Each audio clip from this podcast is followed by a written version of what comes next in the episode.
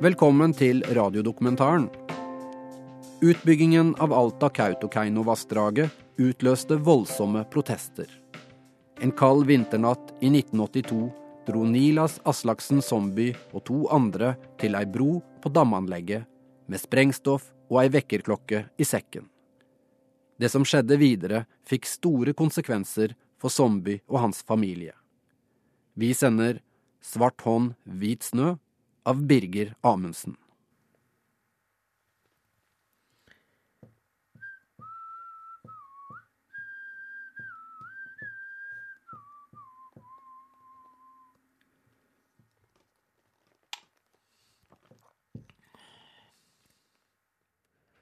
Jeg husker når jeg lå der i snøen og følte meg helt fin enda jeg hadde armen avblåst. Og det var liksom ikke, noe som ikke stemte, at eh, jeg skulle jo vært død. Egentlig. Stillhet.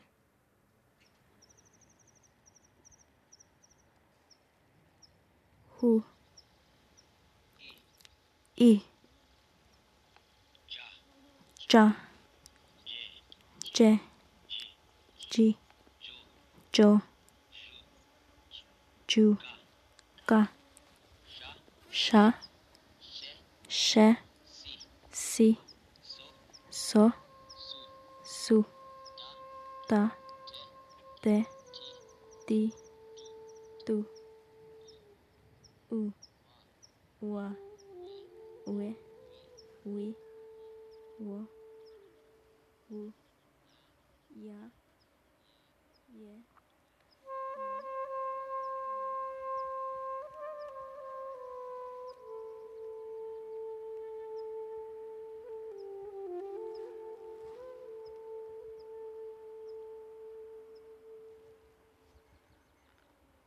Svart hånd, hvit snø. En radiomontasje om sameaktivisten Nilias Aslaksen Zombie og hans datter Risten.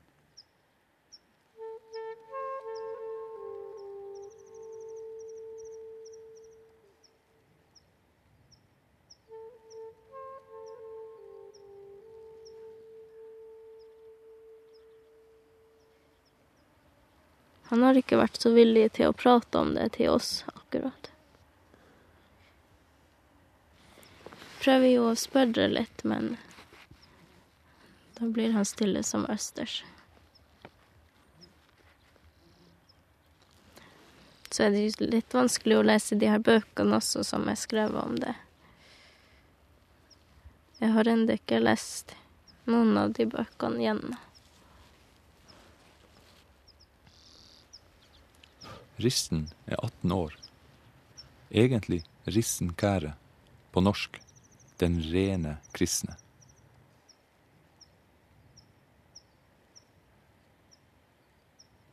Under åpen finnmarkshimmel, en sommerdag i Sirma, hjembygda øverst i Tanadalen, med Taneelva og Finland som nærmeste nabo.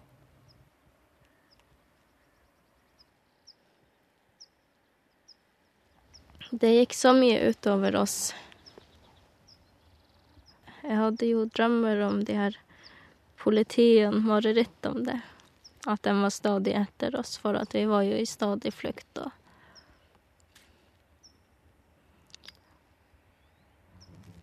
Og det var ikke bare politiet og trusseltelefoner og telefonavlytting og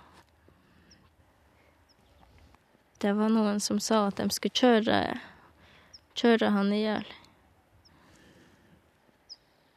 Da ble jeg litt redd.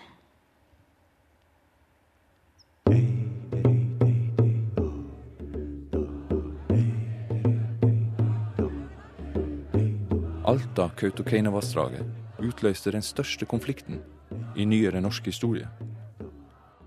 Kampen starta i 1968, da planen om utbygging første gang ble lagt frem.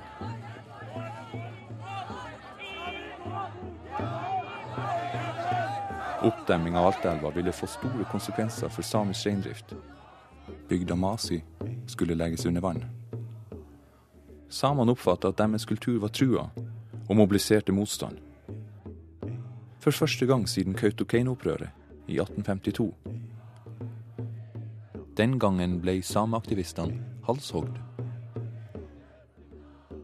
Første gangen jeg hørte om, om Alta-saken, var sto utenfor butikken her i Sirma, så kom det en ungdom med liste som en protest mot Alta-saken. Og jeg ble vel tiltrukket det her først som journalist og som fotograf. Jeg tenkte at her Til slutt så fotograferte jeg bare for å dokumentere og ikke for å jobbe som journalist. Det er jo også min slekt som var med i den her Kautokeino-opprøret. Niljas, som før het Nils A. Somby, er 46 år. Fotograf. Journalist. Enarma. Enøyd. Hvem eier jorda, og hvem eier vannet? Bare for en par generasjoner siden så var det helt utenkelig å, å spørre seg hvem eier jorda? Ingen som eier jorda, selvfølgelig. For at vi er jo bare en del av jorda. Men sånn kan man jo ikke tenke i dag. I dag må man slåss for rettighetene. Men vi er jo et fredelig folk, da, stort sett, så Hvorfor ble vår familie så Så aktiv i, i Alta-saken? Hvorfor, hvorfor er vår familie så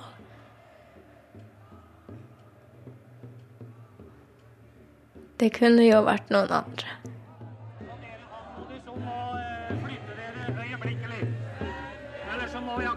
Zombie slutta seg til ei samisk aksjonsgruppe og sultestreika foran Stortinget høsten 1979. Politiet kan flytte på oss, men de får aldri oss til å spise før regjeringen har uh, imøtekommet våre krav. Er du en av de syv som har sultestreiket? Jeg er en av de syv som har sultestreiket. Hva heter du? Jeg heter Nils Zombie. Hvordan opplever du dette? Jeg opplever det her veldig brutalt. Jeg hadde aldri trodd at sånt her kunne skje i Norge. Hvor var du da aksjonen ble satt i gang fra politiets side? Jeg husker fra Oslo. Det var sultestreikende som ble tatt til til politibilene. Og, og da gråt jeg og gråt og gråt, og tanta mi sa at bare gråt du. og for da fikk de politiene se at de hadde en umenneskelig jobb. Jeg husker mange damer som gråt, politidamer som gråt. Og som unnskyldte seg for at de, de, de jobba som politi.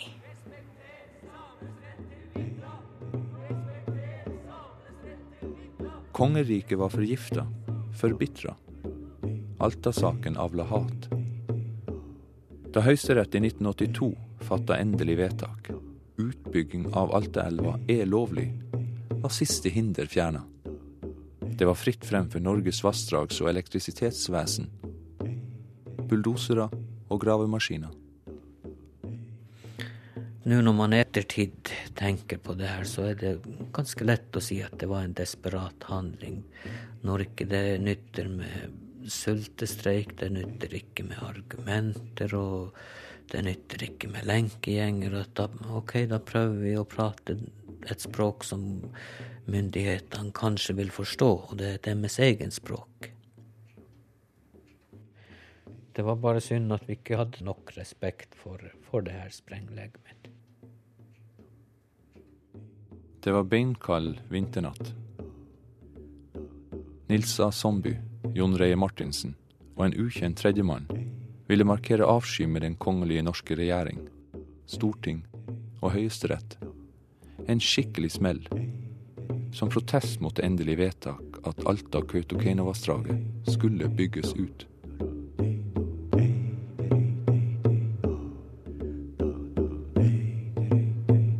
Tre mann ved anleggsbrua i Øvre Stilla. Natt til lørdag 20. mars 1982.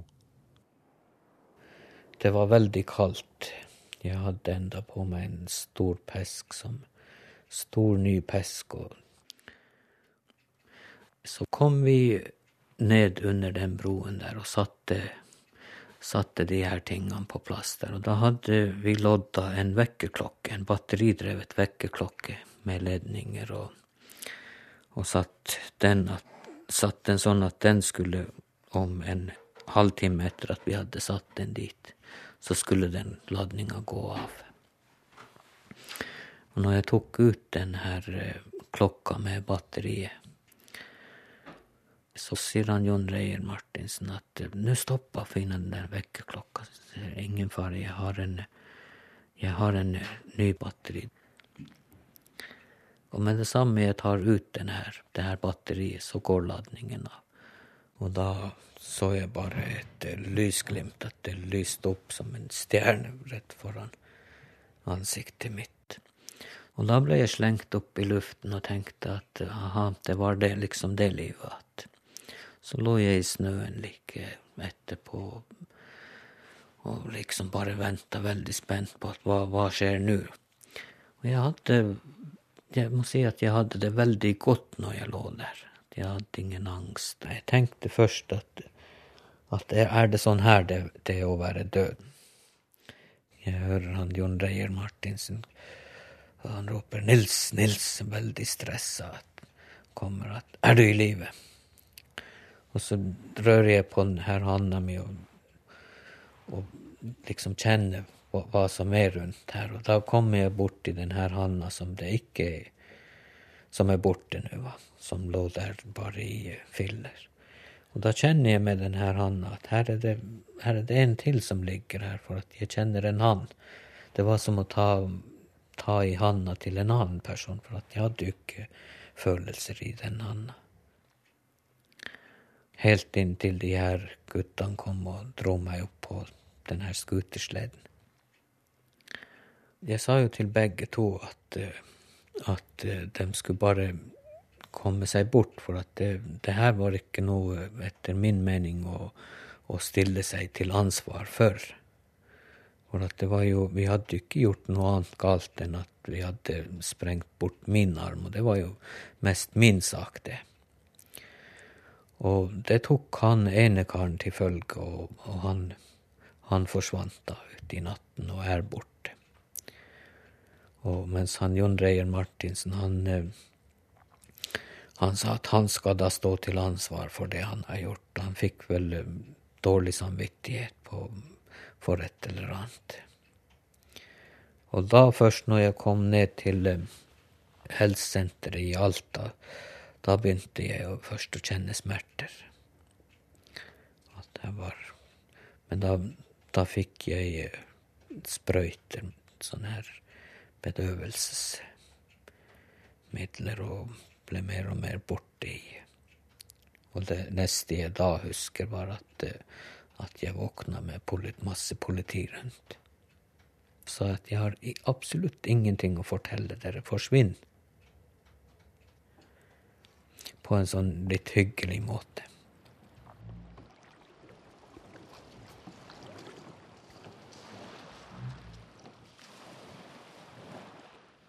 Vester-Tana. Barentshavet som ei gråblå skimring i nord. I øst var Rangeraløya. Avrunda gråbrune fjell. Strime av sne. Kronglete bjørketrær. Høysommer. Finnmark.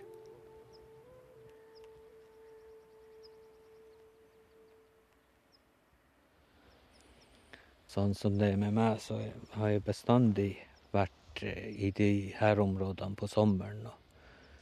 Og hvis jeg skulle vært i Sirma nå, så der, der, kjenner jeg meg ikke helt hjemme på sommeren.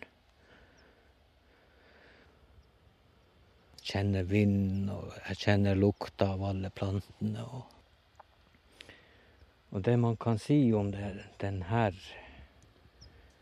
plassen her, her, er at den er fin.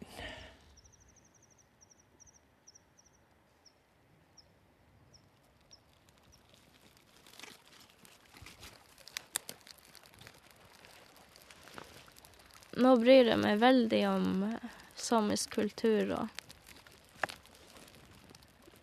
Men så samtidig så ser jeg jo det at at vi har et valg. Det er ikke, det er ikke bare kolonistene, som far min sier, som har kommet hit og pålagt oss både det ene og det andre.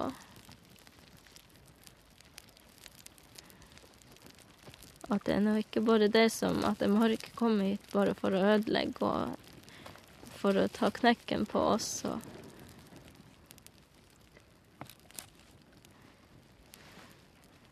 Så det er vel årsaker som får han til å ha det synet som han har, og vi, og vi har vårt syn.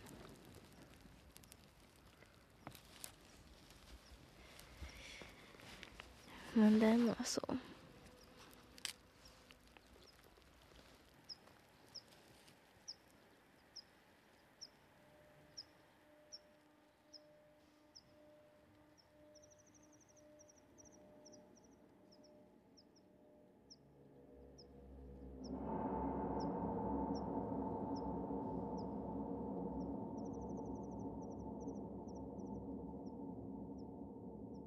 Nils Somby havna i Tromsø kretsfengsel, i varetekt. Med brev og besøksforbud. Isolert.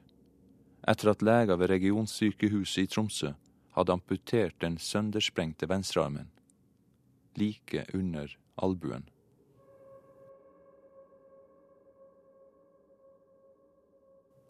Hånda beslagla politiet som bevismateriale.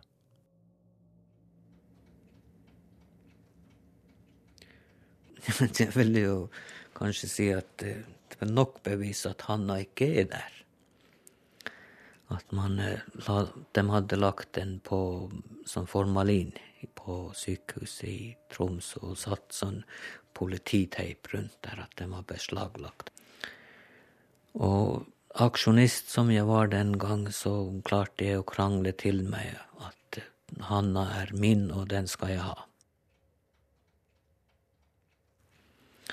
Og til slutt så gikk de nå med på at ok, du kan få handa di, da. At de hadde vanskelig for å argumentere i hvilken sammenheng de skulle bruke det her som bevismateriale.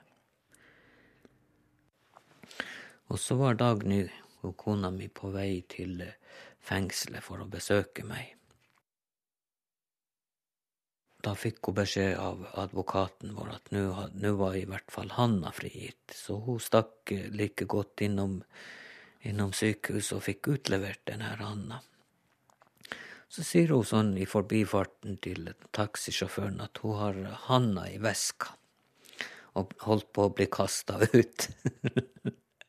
Statsadvokaten tiltalte Somby og Reie Martinsen etter den såkalte mordbrannparagrafen paragraf 148 i straffeloven, som setter straff for den som volder ildebrann, hvorved tap av menneskeliv lett kan forårsakes. Strafferamma er 21 års fengsel.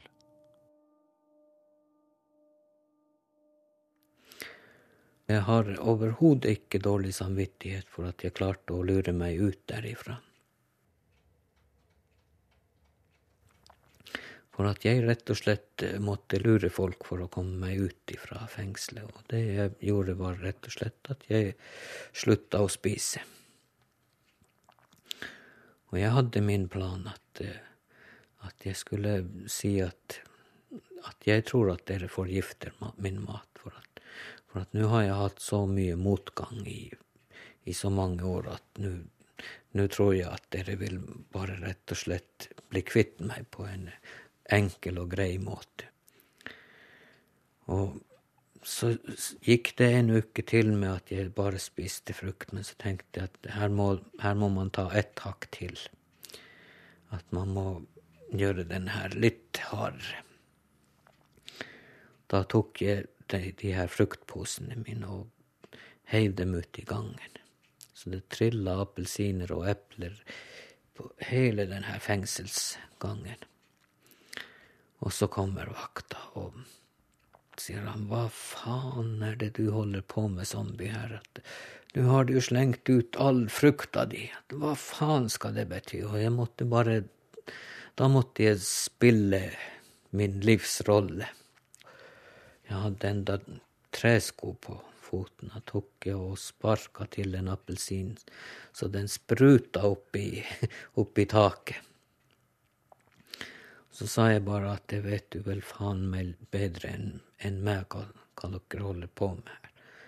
Og jeg plukker faen ikke opp de her appelsinene, sa jeg. Og da ble jeg bare dytta inn i, i cella. Kolonistene har eh,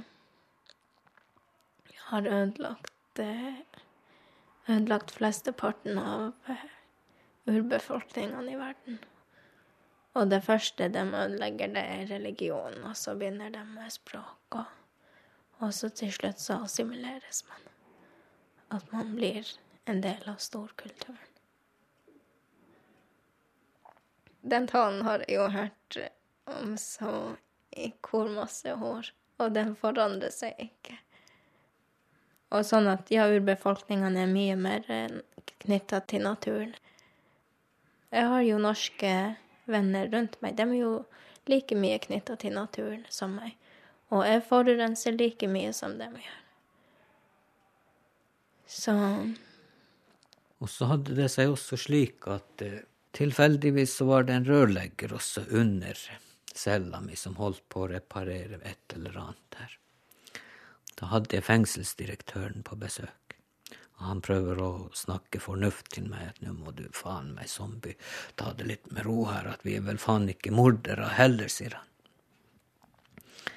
Så sier jeg, hør her, hvem er det som banker i rørene, at hva, hva i helsike gjør dem nå?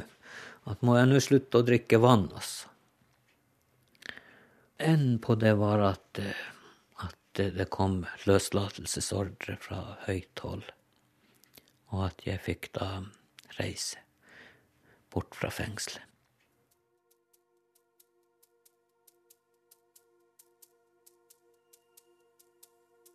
Et par uker etter at Zombie ble løslatt fra varetekt, flykta han ut av landet.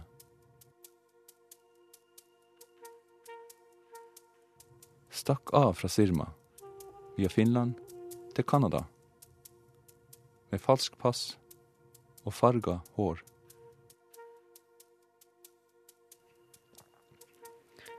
Men før denne reisen, da hadde jeg vært hos en, eh, en fyr som var veldig mektig. Han var en av eh, våre mektigste. Man kan vel nesten kalle han for Noeidi. Og da sa han at, eh, at du skal bare reise i fred, at jeg skal lukke igjen øynene på de, de som kommer i din vei. Og jeg reiste hele veien opp til Yellowknife i Northwest Territory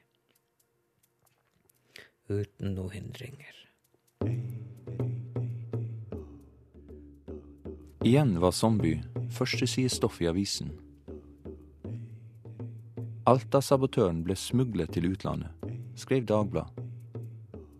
Statsadvokaten uttalte Jeg tror ikke jeg har hørt om maken siden Landsvik-oppgjøret. At noen forlater Norge for å søke om status som politisk flyktning i et annet land.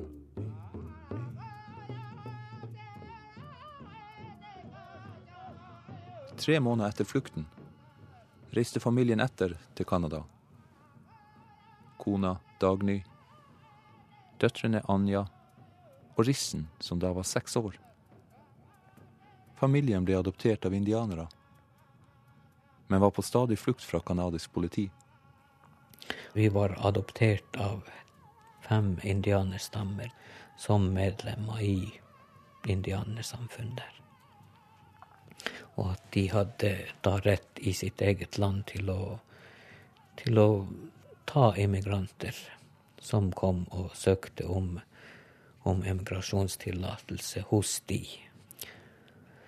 Og vi ble da adoptert. Først ble jeg adoptert til medlem i en tradisjonell seremoni hvor det var trommer, og det var sang, og det var sånn ørnefjær og en hel seremoni. Og jeg ble kjørt bort ifra den adopsjonsseremonien i bil med væpnede, væpnede vakter. Så hvis canadisk politi da hadde begynt å forfølge meg, så hadde det blitt skuddveksling. At vi hadde fire maskingevær med i, i denne bilen hvor jeg satt i.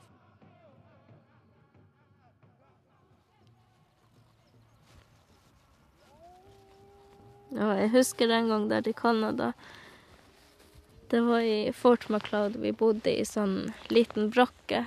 Og det var ikke så mye å gjøre der på det stedet. Vi var veldig mye inne der. Inne der. Så vi hadde bestandig de her koffertene åpne for at hvis vi ble til å reise veldig fort derifra Så var det en gang at jeg drev og rota i de her koffertene. Så var det et sånt et lommetørkle. Det var pakka noe inni der, så tenkte jeg der er det sikkert noe spennende. Så pakka jeg det frem, så var det noe sort. Og jeg studerte lenge på hva det der kunne være. Så når jeg så neglen, så så jeg at det var en finger.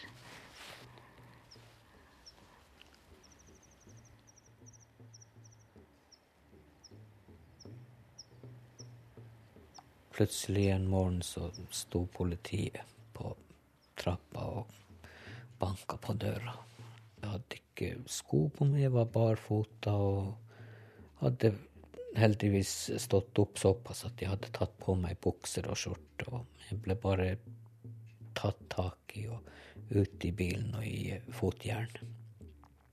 Og det samme ble min kone og, og ungene i en annen bil. Og de ble da ført bort til en familie, har vi hørt etterpå, da. De fikk ikke lov til å leke på utsida, de måtte holde seg inne i huset der. Og de sa ikke et steika ord på flere dager der, og det gjorde jo at de ble bekymra.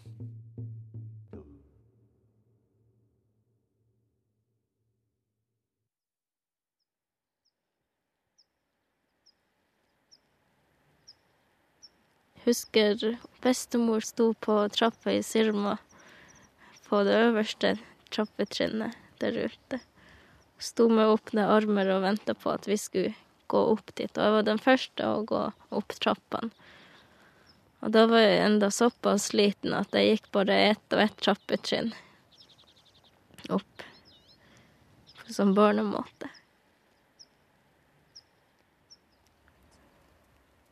To år og tre måneder etter flukten var Nils Zombie tilbake i Norge, med familien. I rettssaken ble han dømt for skadeverk på offentlig eiendom og ulovlig oppbevaring av sprengstoff. Mordbrann ble ikke nevnt med et ord.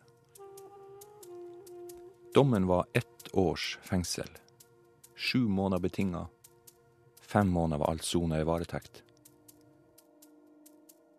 Niljas var frimann. Den her kameraten min, John Reier Martinsen, han ble drept etter det her. Og han ble da påkjørt av en snøscooter, og, og noen av hundene hans ble også drept.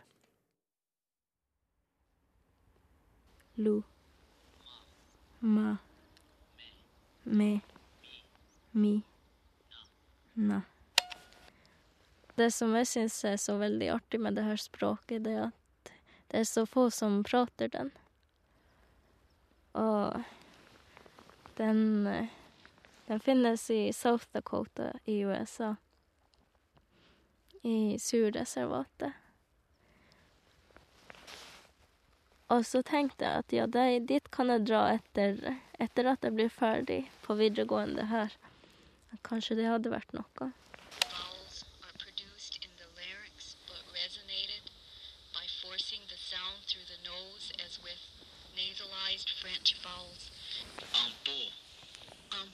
Ampo.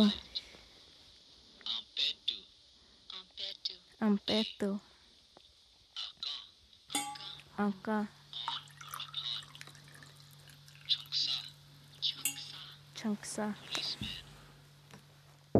Fy faen, vil jeg bare si. Kjempe. Jeg nekter å tro at eh, at urbefolkningslivsfilosofien, eller religionen om man vil, er så mye dårligere enn den, den kristne, kolonistiske kulturen. Og det er jo den som er eh, rota til at vi i dag er kolonisert. Mens eh, våre verdier hele tiden er blitt eh, gjort narr av og blitt eh, tilintetgjort. Jeg er ingen sånn hard eks- ekstremist, men jeg kunne godt tenke meg også gå på prekestolen og bare dytte bort presten og si at her, her står han her fyren og lyger om, om det hele, at det er ikke sant det her som, som han står, og, at de her folka som sitter i kirka, at de er eh, egentlig bare dumme som går og tror på det her, for at de tror på det makta sier. Samme som jeg går ikke i eh, Jeg kommer ikke til å gå i kirka når disse her foreldrene mine dør også, at de skal begravlegges. Jeg går ikke dit og hører på en preken som, som en prest av en annen kultur kommer til å holde.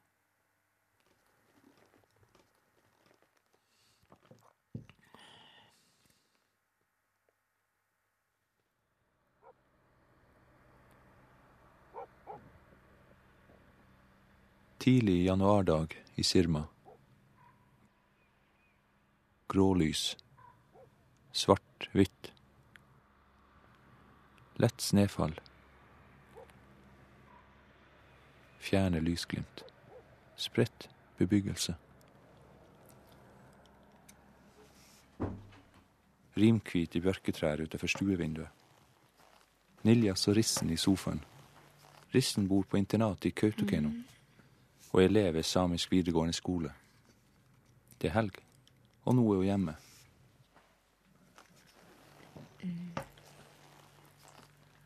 Hvorfor var det akkurat uh, vår familie som ble så oppglødd i samepolitiske saker på den tida? Det er vel eh, ganske umulig å svare på hvorfor hvorfor vår familie. Og det var vel kanskje mange andre familier også som var vel så mye med i det her, men at eh, Ja. Og dessuten så har vi jo kanskje en, eh, en slektsarv å, å dra på, for at det er jo ikke første gangen at eh, familien Zombie har vært innblanda i, i sånne ting. Jeg tenker på Mons Zombie og Kautokeino-opprøret og Jeg syns at eh, Ettersom jeg har forstått det, så Så ha- har dere mye bitterhet i dere. Og det er bitterheten som som gjorde deg til å ta en så drastisk handling.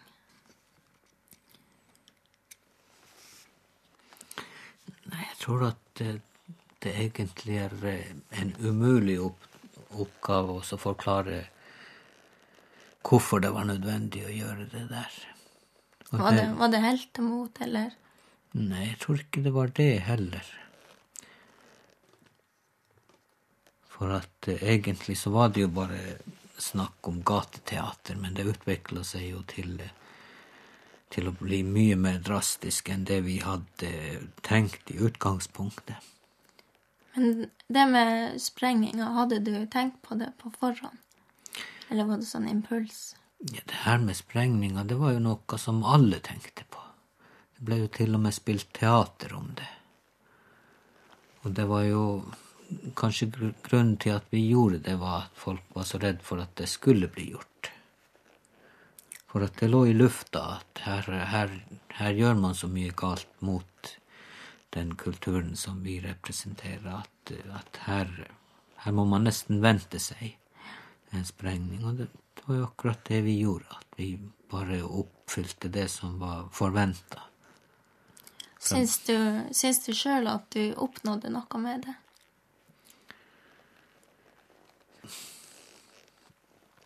På, på sånn her på rent personlige planet så tror jeg nok at jeg har eh, oppnådd veldig mye. Selv om jeg mista den armen.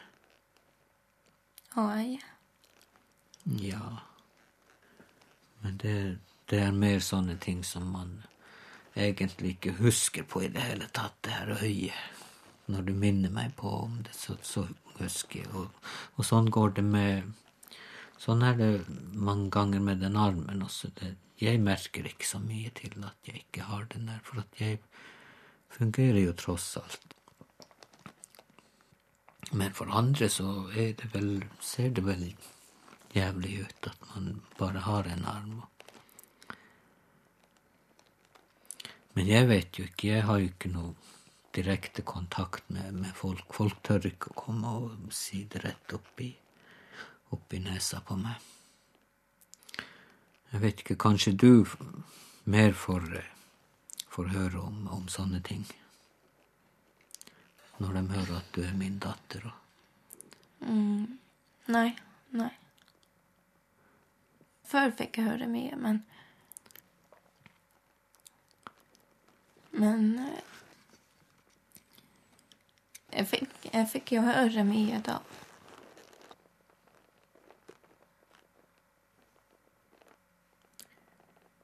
Det er jo klart at uh, tiden er jo veldig behjelpelig med oss å dysse ned ting. Og dess lengre tid det går, så da føler jeg meg nesten hjelpeløs i en situasjon og begynner å forklare det. Hvorfor var det nødvendig å gå dit og sprenge? At man lever jo i et uh, fritt land. Jeg syns jo sjøl også at, at du har gitt opp kampen på en måte.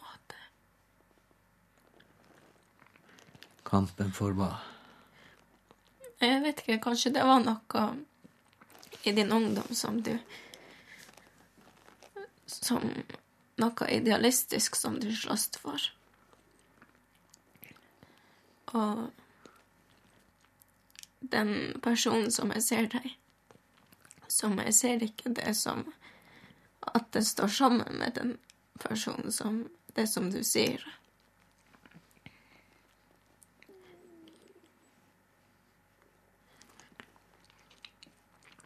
Du mener at ikke jeg følger opp det som jeg, jeg mener og står for?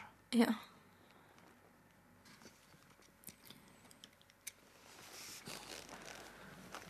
Det, jeg tror ikke det heller hadde vært en naturlig situasjon for meg å, å gå og demonstrere hele tiden og si at, at det her samfunnet er så, så, så dårlig at Nei, nei, men jeg syns ikke at at du skal fordømme de som koloniserte landet vårt. At hvorfor skal man fordømme dem? Det er ikke folket man fordømmer. Jeg tror at, at det er plass til flere sannheter. Om de har sine verdier, så, så lenge ikke de kolliderer direkte med mine verdier, så er det greit. Da kan jeg godta dem. Og den kristne kultur har som sin, sitt, sin formål å gå ut i verden og gjøre alle folkeslag til mine disipler, sier de. Og det betyr i ren tekst ja, men det er ikke bare her, kristendommen. Her skal man gå og gjøre alle like, uniformere. Er det, hvem er det som gjør det i dag, da? I gamle dager var det de gamle misjonærene. Ja, i dag er det er det her en sånn veldig velutvikla mafia. Som består Hele staten er en Jeg går til bestemor.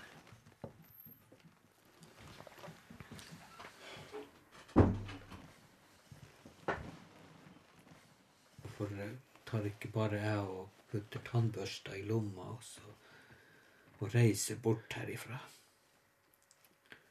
Hvorfor jeg, Hvorfor skal jeg være tvunget til å forsvare det som den krigen som, blir, som veldig mange var involvert i, men som for hver dag som går, mer og mer blir konsentrert til at det var du som gjorde noe dumt som, det, som ingen har hatt nytte av.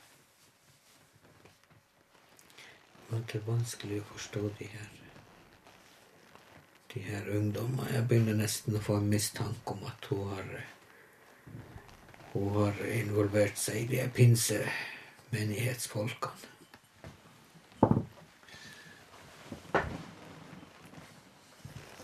For jeg tror ikke at hun har blitt så glad i det norske samfunnet i, i løpet av det året hun har bodd i Kautokeino. Men jeg vet at det er masse pinsevenner som har begynt på den skolen i år. Og som hun naturligvis har vært i kontakt. Men det er nå det siste oristen kommer til å fortelle meg. Det ville jo være det samme som å Som å komme og si at hun er åndelig syk, omtrent.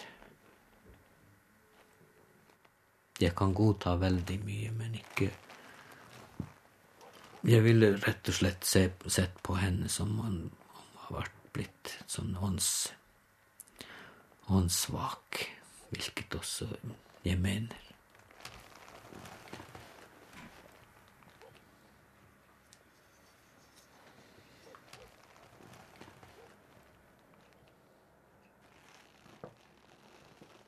Eh, det var én ting som eh, som jeg ble litt eh, som jeg ble litt nysgjerrig på. Du sa du hadde handa. Ja, den har jeg. Ligger den på sprit eller formalin? Den er tørka. Den er tørska? Ja.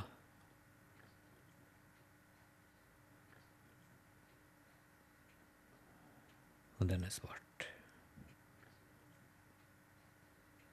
Jeg får ikke se den. Nei.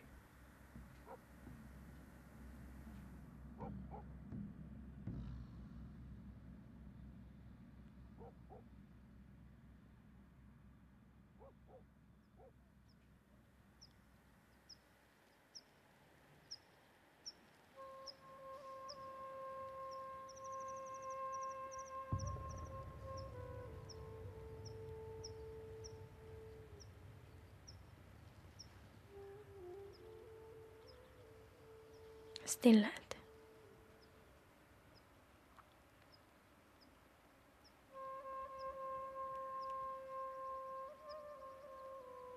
Man ser bare stjernene. Det syns jeg det er enormt vakkert. Da er det ikke noe som høres. Og det er ganske kaldt. Og man kjenner at det biter i kinnet.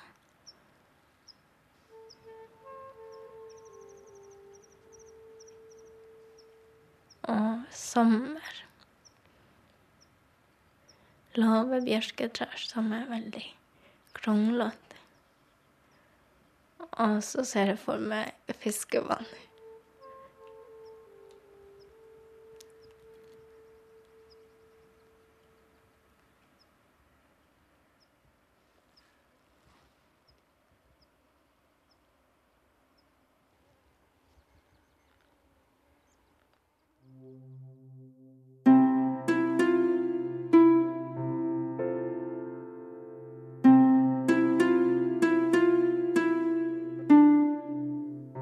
Har hørt 'Svart hånd, hvit snø', en radiodokumentar av Birger Amundsen.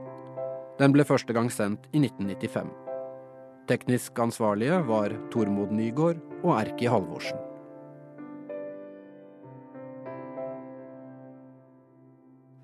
Karina er en uvanlig populær utleier i en av de siste familieeide bygårdene i Oslo. Tenk på alle de menneskene jeg har truffet her nede. Leiegården rommer 80 år med familiehistorie. Men nå må tante utleier Karina ta farvel med bygården sin. Noen kunne jeg sikkert vært foruten. Men ikke alle. Men ikke alle. Hør radiodokumentaren 'Rekviem for en leiegård' neste lørdag klokka ti på NRK P2.